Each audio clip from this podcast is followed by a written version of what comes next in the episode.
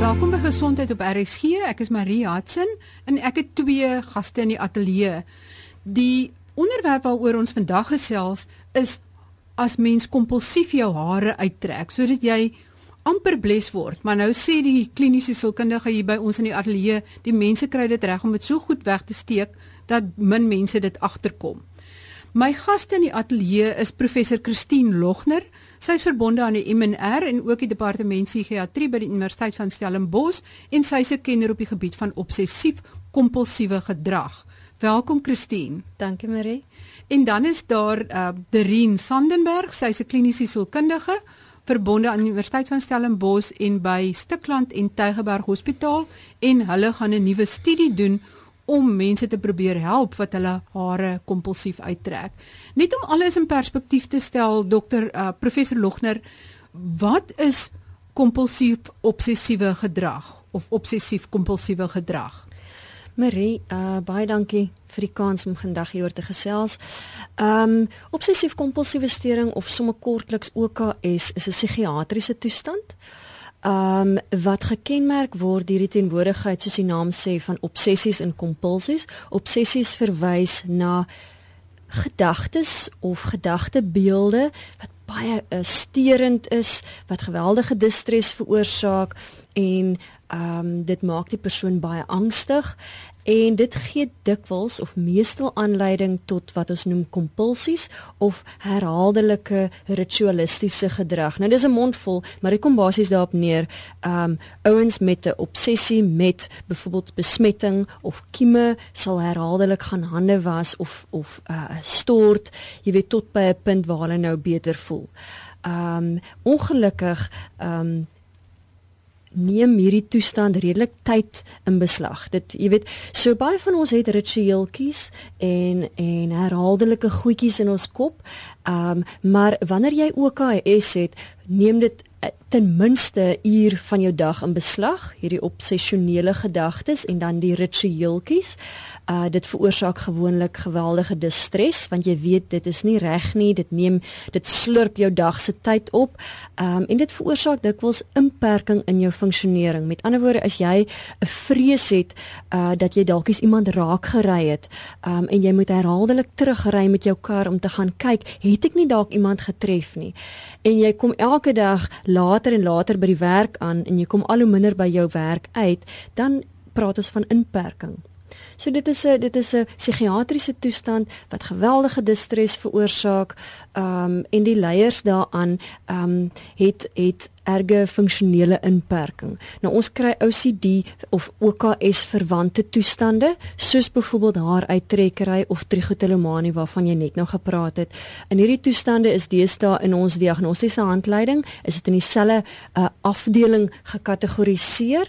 Um, en daar is oorvleeling tussen OKS en haar uit haar uittrekkery. Jy weet byvoorbeeld hierdie ehm um, uh, herhaaldelike ritueeltjies rondom haar uittrek herinner baie uh uh skerp aan daai herhaaldelike rituele by OKS.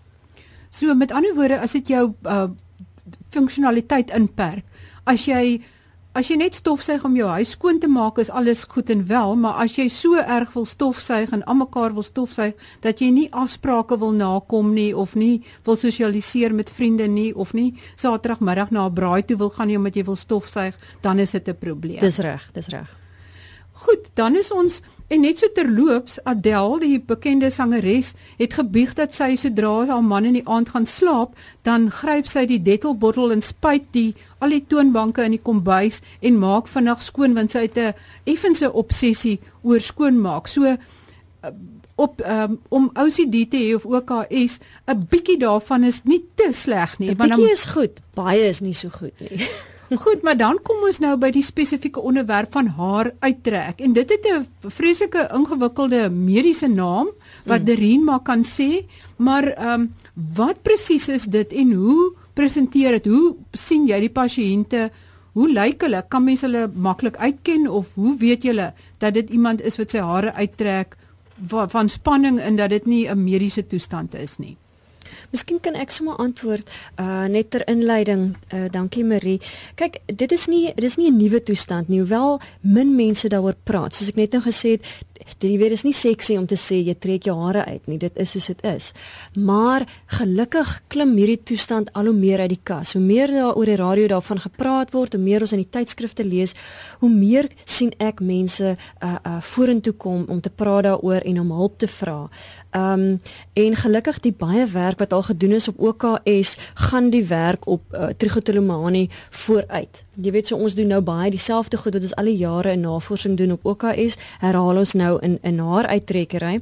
Ehm um, so soos ek gesê die haar uittrekker is een van die wêreld se grootste geheime. Niemand praat daaroor nie, maar dit gaan basies oor die herhaaldelike uittrek van jou hare vir nie kosmetiese redes. So met ander woorde as jy jou wenkbroue pluk of jou snor wax, dit is nie trichotillomanie nie. Trichotillomanie is waar ja, waar die persoon 'n opbou van spanning het of 'n behoefte het om hulle hare uit te trek gewoonlik een een hulle kies die regte haar. Dis gewoonlik die snaakse hare of die dikker hare of die gryser hare hulle soek hom uit en hulle trek hom uit en dit is 'n uh, 'n uh, herhaaldelike aksie tot by die punt waar die persoon of kaal kolle het of dunner of eiler kolletjies wat hulle moet wegsteek. So jy sien dikwels die persoon wat inkom, jy sal dit nie kan sien aan die persoon.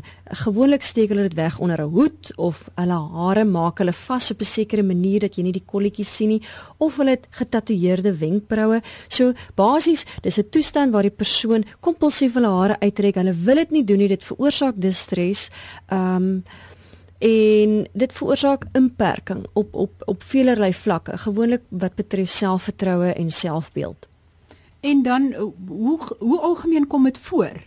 En is daar spesifieke ouderdomsgroepe of mans of vroue wat dit meer of minder kry? Ja, Marie, dankie vir die vraag en dankie ook om hier so te kan wees. Ehm um, oor die algemeen is dit so 1% van die populasie wat ek dink mense nogal verbaas want ehm um, soos wat Christine gesê het, ons sien dit nie baie nie. Mense is baie goed daarmee om dit te verbloem, het sy met hoede of deesdae die serpies en die bande wat so in die mode is. Ehm um, Ja, dit is ehm um, die oorsake is gewoonlik onbekend. Ehm um, daar is teorieë wat sê miskien is dit as gevolg van trauma wat gebeur het dat die mense probeer self soos dat hulle hulle self probeer beter laat voel. Ehm um, sommige teorieë sê dat dit is 'n aangeleerde gedrag dat ons sien dat ma of pa doen dit, so dit is ietsie wat wat kinders dalk aanleer of wat ons aanleer om ehm um, deur wat ander doen. Ehm um, wat ons nou ook deesdae begin ehm um, navors is of dit deel is van breinchemie of breinpaaie wat ehm um, wat ge, soos wat hulle sê opgelei moet word dat ons dit daar kan stop en ek dink dit is hoekom navorsing so belangrik is. Professor Logner, Dit is uh, basies om terug te kom na jou vraag oor by wie ons dit sien en wanneer 'n uh, eh, uh, eh, haar uittrekker representeer. Ehm um, dis dis dis baie interessant. Mens sien dikwels by by babas en by klein kindertjies dat hulle hulle haartjies uittrek. Dit en dit vervul dikwels 'n 'n tipe van 'n soothing. Jy weet so amper soos duimsuig, so 'n funksie uh by sulke kleintjies en dit en wanneer in dis gewoonlik goeie nuus as hulle dit op daai ouderdom kry want dit het 'n manier om te verdwyn na 'n tyd. So dit is oukei okay as die as die babetjies gewoonlik doen 'n mens dan niks. Jy weet as mense nou praat in terme van behandeling. Klein babetjies, klein kindertjies, dis gewoonlik oukei. Okay, ehm um, want dit ons sien dit verdwyn gewoonlik. Maar dan is daar 'n ander ouderdom waar die haar uittrekkery dikwels uh, begin. Jy weet hier op 11, 12, 13 puberteitsfases waar dit gewoonlik uh begin en dit is uh haar uittrekkery wat gewoonlik nie spontaan ophou nie. Daarvoor het 'n mens behandeling nodig. So daar's daai twee ouderdomme waar dit gewoonlik begin. Ehm um, en dit gaan terug na wat Terien gesê het oor die oorsake. Jy weet daar is definitief 'n biologiese uh, 'n koneksie tussen haar uittrekkery uh met haar uittrekkery. Jy sien ek sien dikwels uh, uh meisies ehm um, van hier by die 11, 12, 13. So ons weet daar moet 'n hormonale invloed wees. Ons weet nog net nie hoe dit in mekaar steek nie. En dan die tweede ding is ek sien meestal vrouens ehm um, wat by ons navorsing kom aanmeld. Ehm um, en en dit vergelyk reg reg met uh, wat in die res van die wêreld gevind word en dit is dat die prevalensie van haar uit, uittrekkery by vrouens is is net um baie baie groter by vrouens as by mans. So is die meeste van julle pasiënte dan tieners of is gaan duur hierdie gedrag voort in die 20er en 30er jare? Dit duur voort, ongelukkig. Ja, en ek dink miskien kan Derien vir ons meer sê dan ehm um, oor die verloop van die siekte of of die of, of, of miskien die behandeling daarvan. Ehm um, ons is ons is ons is 'n bietjie uh teleurgestel met behandeling respons behandelingsrespons in in in hierdie persone uh wat by ons uitkom. Jy weet dit is ons het ons het altyd gehoop dat daar dieselfde uh, respons sou wees as ouens met OKS, jy weet waar daar respons is tot antidepressante of tot kognitiewe gedragsterapie, maar ongelukkig sien ons nie dieselfde in in haar uittrek in hierdie situasie is 'n bietjie moeiliker. So Derien, wat kan mens dan doen weet en en as hierdie pasiënte by julle uitkom, het hulle dan al op ander maniere probeer om dit om hierdie gedrag te staak. Hmm. Marie, ons sien dat ehm um, deelnemers wat by ons studies uitkom of deelnemers wat ons sien as pasiënte het al talle male probeer op verskeie op verskillende maniere om die gedrag te stop.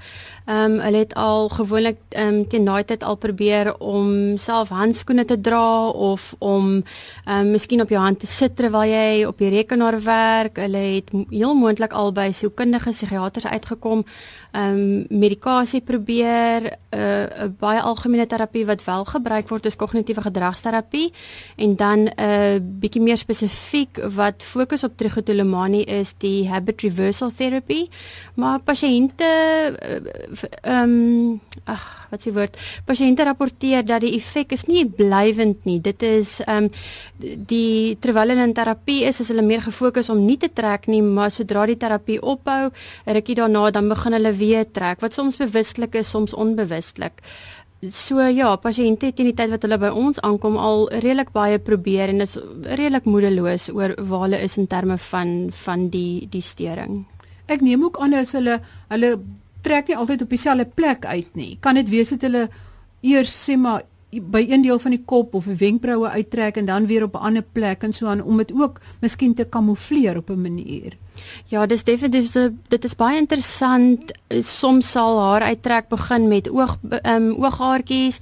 Dit sal dan soms gaan na wenkbroue en soms is daar net nie meer haartjies om uit te trek daar nie wat hulle dan gaan na die kroontjie of na hulle ehm um, die die kophare toe. Soms sal hulle begin by onder teen die nek en so die area bly nie altyd dieselfde nie. Dit kan ook ontwikkel na ander dele toe.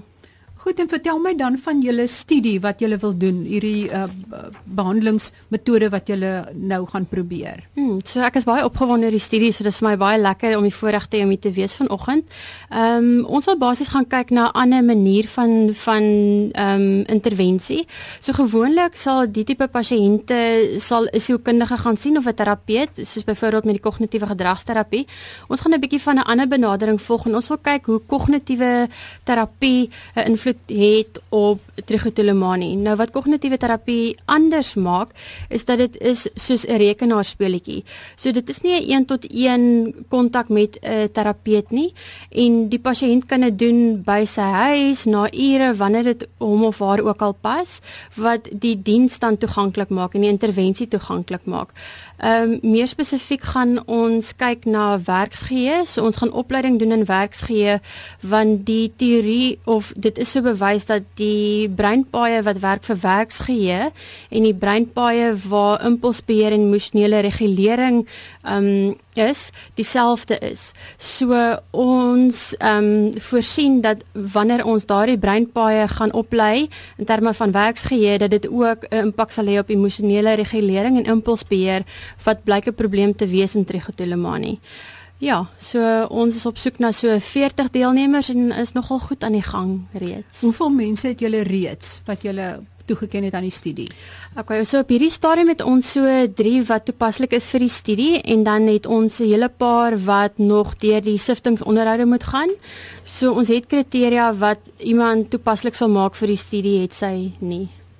En wanneer wil julle begin daarmee of begin julle soos wat die uh, deelnemers bykom? Ja, nee, ons begin soos wat die deelnemers bykom. So sodra iemand toepaslik is tot die studie, dan oriënteer ons hulle tot die intervensie of die o, oh, dit is iets wat ek vergeet het om te sê, so hulle sal die intervensie doen of die placebo sodat ons dit kan vergelyk.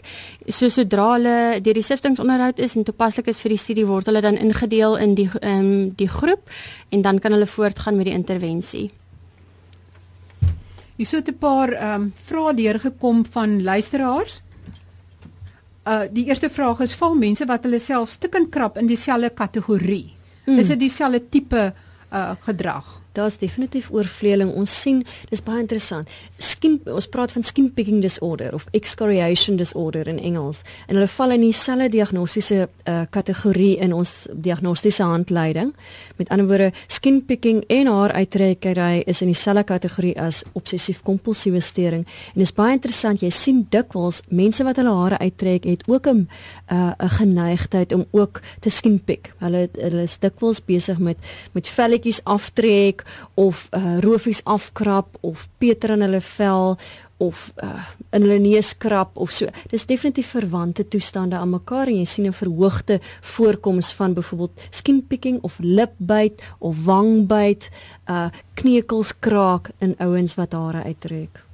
Ja, want die volgende vraag is hoeka wat van krap tot die bloed loop en as daar 'n rofie is, weer begin krap tot dit bloei en oral op die lyf en almekaar krap. So mm. dit is jy kan jy kan sien hoe mooi die toestande baie hulle is hulle is verskillend, maar hulle is ook so soortgelyk want jy weet moet dit nie doen nie. Jy weet, moet dit nie en dit veroor maar op daai oomblik kan hulle net nie hulle self keer nie en hulle sit met die skuldgevoelens en die dat dit lelik lyk na die tyd en hulle verwyd hulle self en dit is baie sleg. So dis daar's soveel oorvleeling tussen die toestande. En hoe sal hierdie mense dieselfde tipe manier behandel word of nie? Wel om mense nou moet gaan kyk. Uh ons weet nog nie of of hierdie intervensie wat werk op werk op werksgeheue wel 'n impak gaan hê op hulle vermoë om hierdie impuls te beheer nie. Dit sal 'n mens moet gaan na kyk. Hierso is uh, hier sien nog al 'n hele paar vrae. Ek is 'n vrou en trek my hare uit vir alles ek gestres is. Ek is al huidig in my 30. Hierdie volgende een sê ek trek nou al van skool daar of my hare uit. Uh die een sê sy's op antidepressante maar trek nog steeds hare uit.